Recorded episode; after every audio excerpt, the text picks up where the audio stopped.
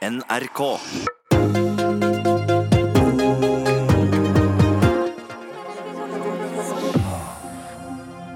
Bomringen rundt Oslo, den elsker jeg på samme måte som jeg elsker sykkelen min. da. Eh, kanskje ikke helt på samme måte som jeg elsker mannen min, men eh, som jeg elsker sykkelen min. eh, rett og slett fordi at eh, em, den gjør byen vår så bra å bo i.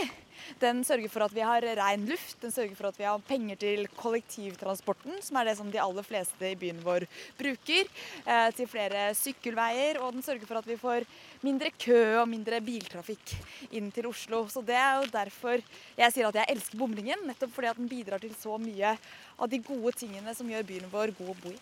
Byråd for miljø og samferdsel for MDG i Oslo, Lan Marie Berg, er kanskje den mest kjente MDG-politikeren i hele landet.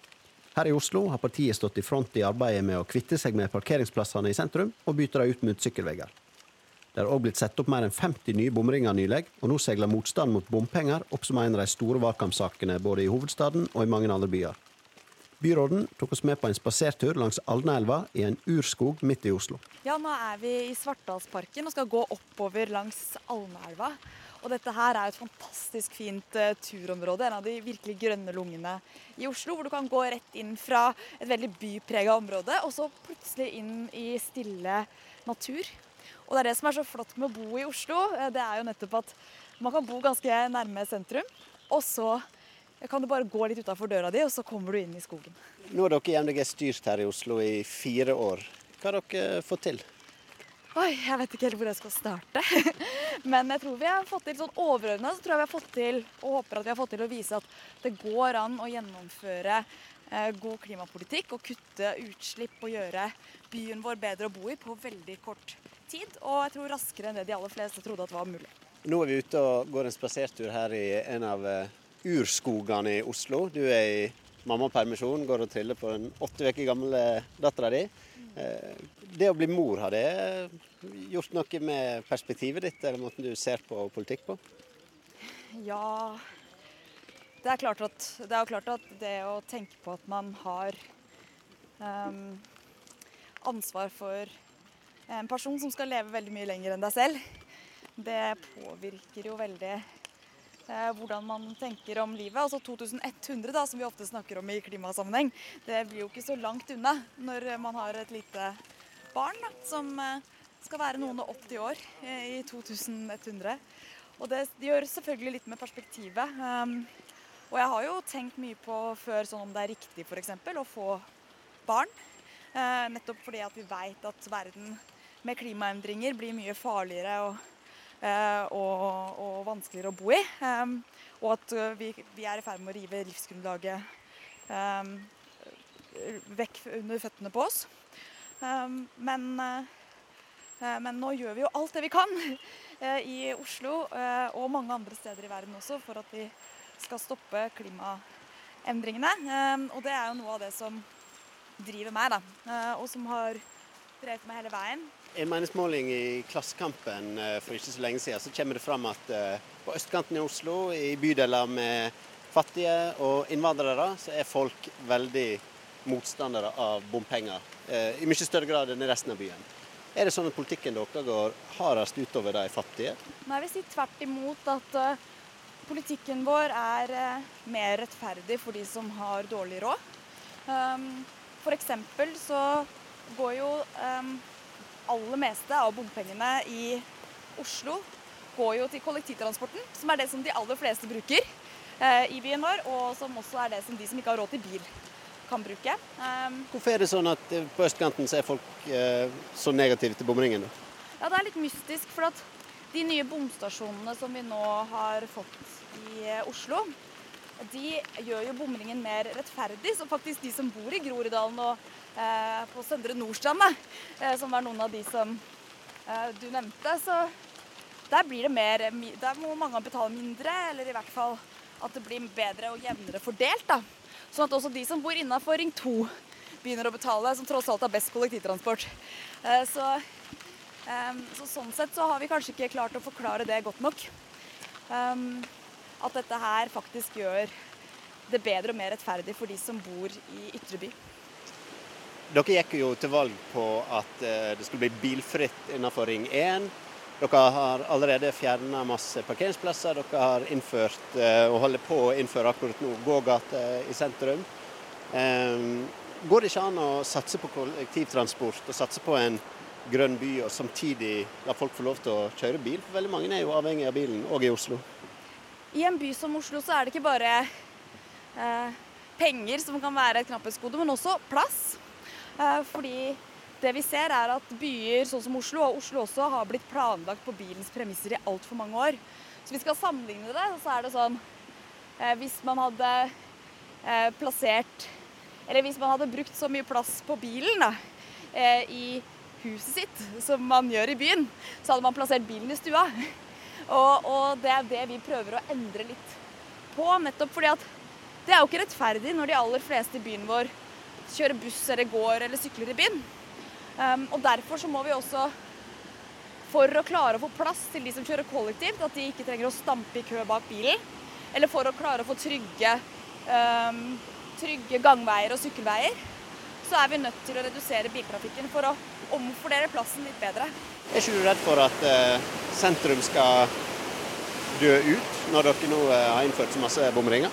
Det man har sett i sentrum, f.eks. i Oslo sentrum, er jo det motsatte. Da, at eh, det faktisk eh, ikke har eh, påvirket sentrumshandel negativt å få mindre plass til bilene.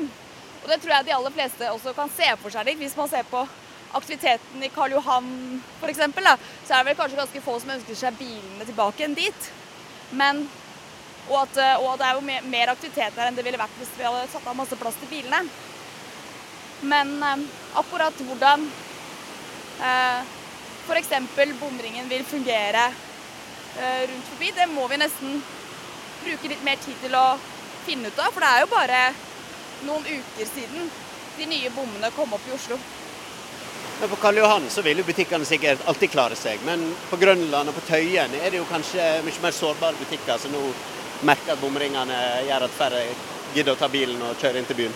Du, jeg tror faktisk at eh, det vi ser når vi redusere biltrafikken i byen, vil jo være at den blir bedre for eh, de aller, aller fleste.